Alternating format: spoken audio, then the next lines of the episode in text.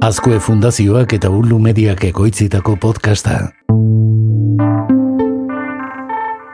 Ei, maite goni naiz eta gaurko saio hasi aurretik gogoratu nahi dizut amar minututan podcastaren bosgarren demoraldia dela onakoa. Orain arteko saio guztiak entzungai dituzu audio plataforma denetan. Gustuko baduzu, partekatu lagun artean, asko eskertuko dizugu, goazen atal berri honekin.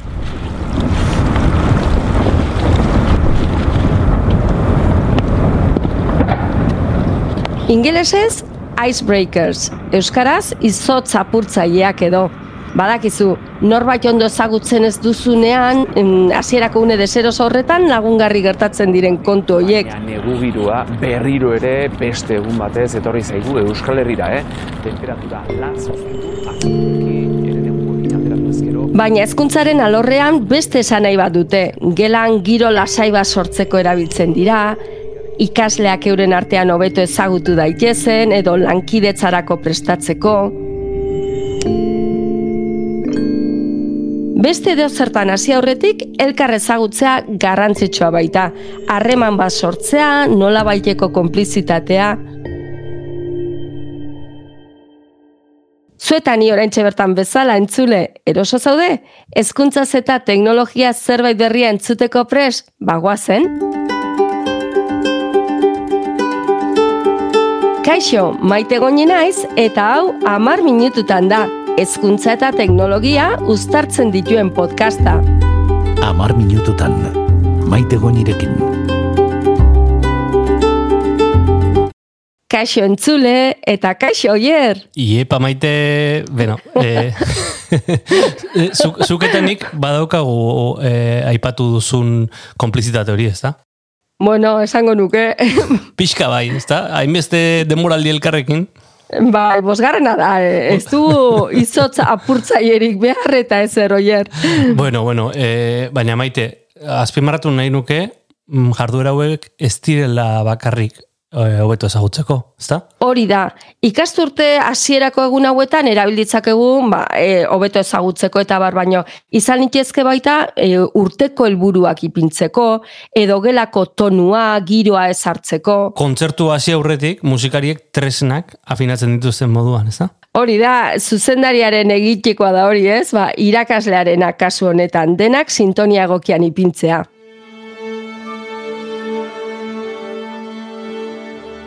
Aurreko saioan ikasturteari hasiera emateko idea batzuk partekatu genituen. Goratzen naiz. Utzi eh, zerrendatuko dut. Gela berria, irakasle berria, ikasleak elkarri ezagutzen, Hori da, baina batez ere elkar ezagutzen ez zutenean erabiltzeko moduk edo jarduerak, ez? Aipatu genituen.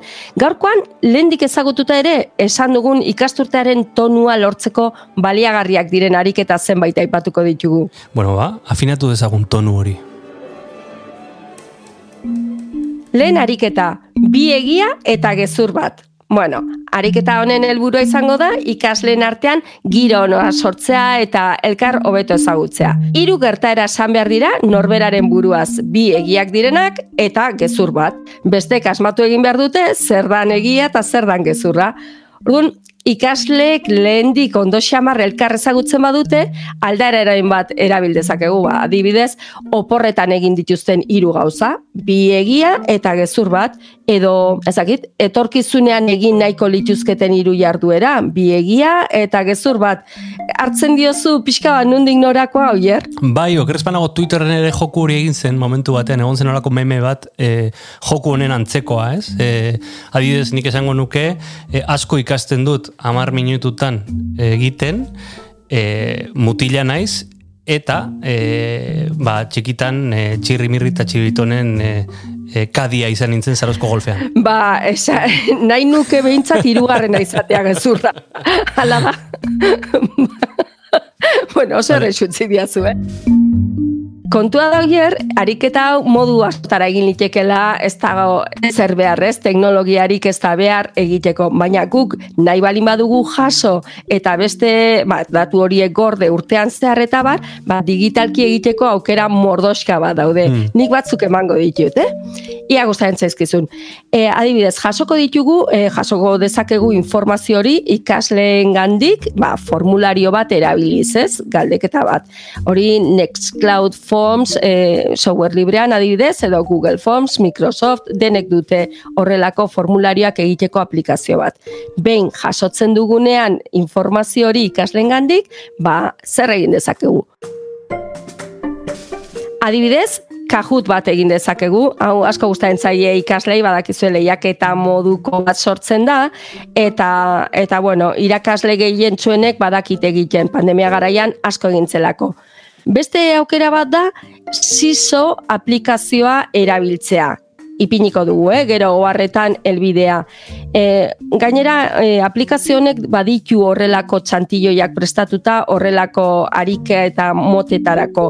Orduan hori ere beste aukera bada. Eta azkenik, ba, aldatu nahi balin badugu, e, pixka bat e, modua, jarduera egiteko modua, ba, beste aukera bat izan zitiken Flipgrid aplikazioa erabiltzea.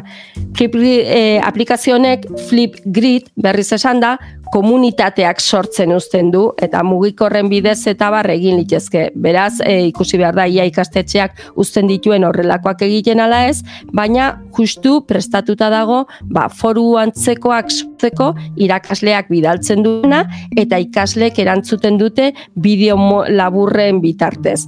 Agian interesgarria suerta liteke horrelako ma, mota honetako ariketak egiteko. Bigarren aukera bada, bigarren ariketa bada, gelako arauak ezartzea taldeka. Bueno, arauak ezartzean, elkar bizitzerako gelako funtzionamendua eta bar, pedagogoek diote ikaslekin batera egiteak edo ipintzeak ba, e, ikasleen konpromisoa areagotu egiten dela. Horixe izan daiteke ikasturte hasierako jardueretako bat, taldeka arau batzuk identifikatzea, beste batzuk noski ba, irakasleak ipini beharko ditu, edo eskolak eta abar. Digitalki egiteko aukera ezberdinak daude, adibidez aurkezpen kolaboratibo bat egin dezakete, e, irakasleak prestatzen du aurkezpen hori, eta talde bakoitzari esleitzen dio diapositiba bat, eta diapositiba horretan, e, bueno, e, beraiek lantzen dute, pixka bat arauak lantzen dituzte, eta erabakitzen dutenean zer edo zer, ba, diapositiba egokitu zaien, diapositiba horretan ipintzen dute gero egin dezakete eztabaidatu taldeka eta bar eta e, iritsi ba, zerrenda aman komun batera.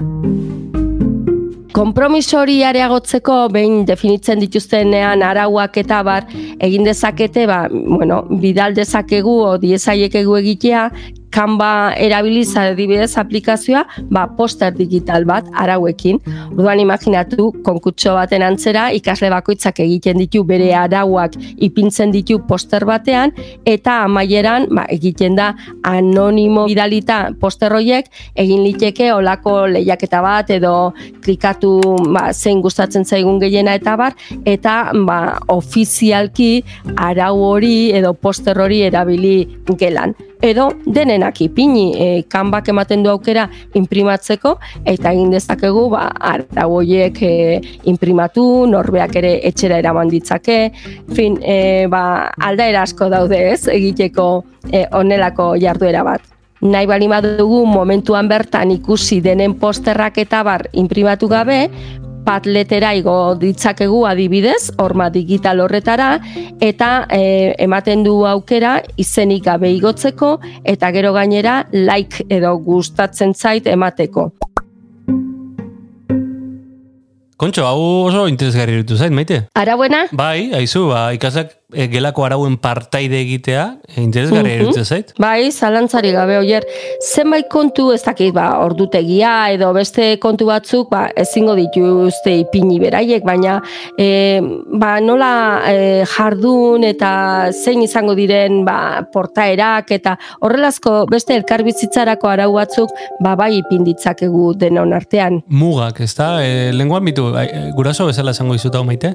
E, Mhm. Ba, gure txiki txikia ja gela handiago batera joan da, eta Mhm. landu behar dute frustrazioa, ez? E, nahi eta ezina. Oso interesgarria, eta, bai. eta mugak, eta bueno, ba, honekin lotura sortu zait. Bai, hala da.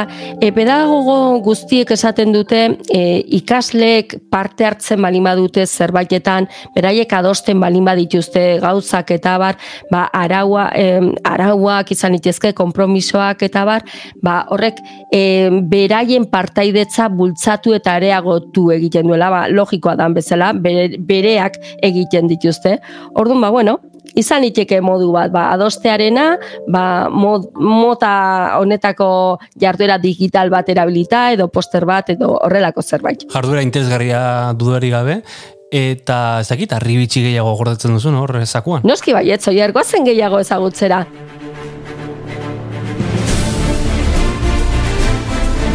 Hirugarren proposamena izan liteke, ba, altxorraren bila edo horrelako jardueraren bat egitea. Hau dakigu asko gustatzen zaiela ikaslei, bueno, zer egin dezakegu? Aurreko denboraldiaren amaieran e, komentatu genuen, ez? Altxorraren bila, ba, errepasatzeko edo ondo pasatzeko edo amaieran. Ba, hemen kasu hontan egin dezakegu, ba, gure gelako arauak zeintzuk izango diren gauza tonu bera aurrekoan aipatu dugun bezala, baina e, adibidez presta ditzakegu sei hamar galdera gure gaiaren inguruan jakiteko ba, zer dakiten dagoeneko gaiaren inguruan. Honi deitzen zaio eh, hezkuntzan aurrezagutzak aktibatzea. Orduan oso importantea da irakasleontzat ba, jakiteko zer dakiten dagoeneko ba, gai zehatz baten inguruan. Beraz, guk prestatuko ditugu galdera hoiek eta ikaslek era, e, galdera hoiek erantzun behar dituzte giltzarrapoak irekitzeko eta saria irabazteko alegia guk prestatzen balin badugu altxorraren bila motako jarduera bat, aurreko ba, beste saio hartan aipatu genuen bezala, urratxez urratx, ba, beraiek joan behar dira e, deskubritzen erantzun egokiak edo bilatzen unbaiten, eta horrela irekial izango dituzte giltzarrapoiek eta iritsi ba, sari batera. Hau egiteko errazena, digitalki, flipitinet e, erabiltzea da. Aurreko denboraldiaren amaieran ez dakit gogoan duzuen, baina aipatu genuen urrats ez urrats nola sortu olako bat. Orduan labur-labur esateko, ara joango gara, jolas mota ezberdinak e, daude, guk topatuko dugu, Scavenger Hunt delakori.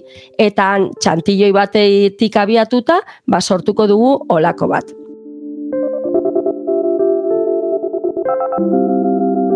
Beste aukera bada, hau guztia QR kodeak erabilita e, egitea. QR kodeak, azken aldian sopetan ere azaltzen zaizkigu. Esango nuke sopetan, ze jatetxe guztietako menuetan eta bar. Bueno, atera kontuak nire aitak ere ikasi duela, eh, nola erabili QR kode bat. Bai, uste denok eh, ikasi digula, baina bueno, e, horrek ere ematen du ez, ba, irakasleok ere ikasi digu nola erabiltzen diran QR kodeak. Ba, Bai, bai, bai, bai. E, ba, bueno, e, aurrera, ba, esaten izuna ez, ikastetxeko edo herriko toki ezberdinetan, QR kode ezberdinak ipinditzakegu, bira ze politi hau, ba, irteteko ez, e, gelako lau hormetatik. Orduan, QR kodeak galdera batera eramango ditu ikasleak, eta asmatu egin beharko dituzte, urrengo puntura joateko, ba, betiko horietako jinkana bat ez.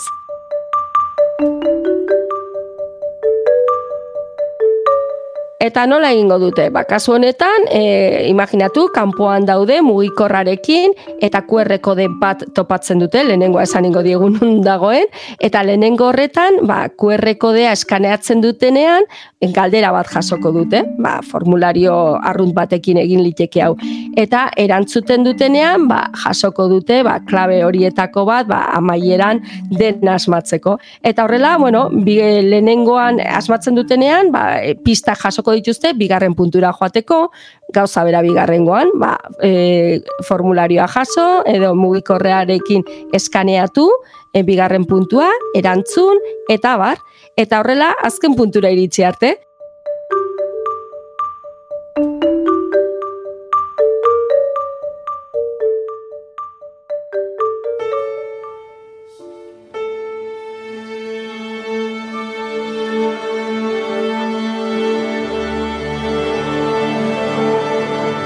Tira, ematen du ja e, orkestar afinatu dugula, ez? Tonu hartu duela.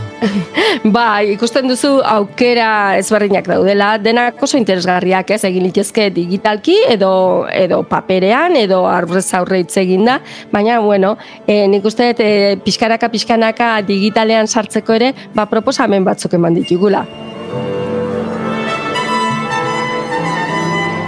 Tira, gogoratuko dugu aurreko saioan elkar ezagutzeko moduak e, ba, ikusi genituela eta hau osagarria izan dela, ez? Bigarren zatia orain ja kursoan sartuko gara. Hori da, e, orain hemendik aurrera, bueno, uzten ditugu ikasturte hasierako jarduera hauek eta urrengo astean oso gauza ezberdin batekin gatoz. Jakiteko gogoz, utzi nozu, maite?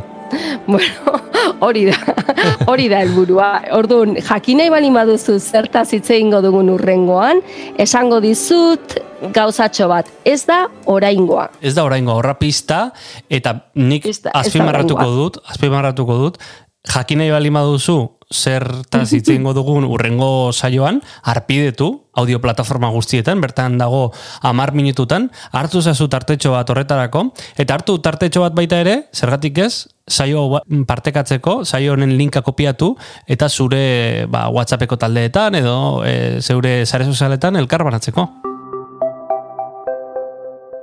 Hori da, irakaslei helarazteko, hezkuntza komunitatean edo hezkuntzan interesa duen edonorentzat interesgarriak diren ideiak ematen saiatzen gara.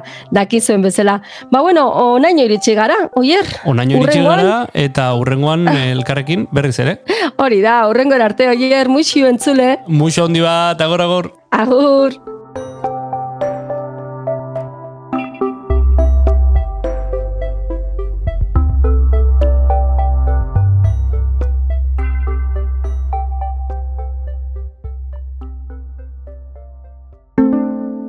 Azkue Fundazioa. Ei, txt, entzun hori.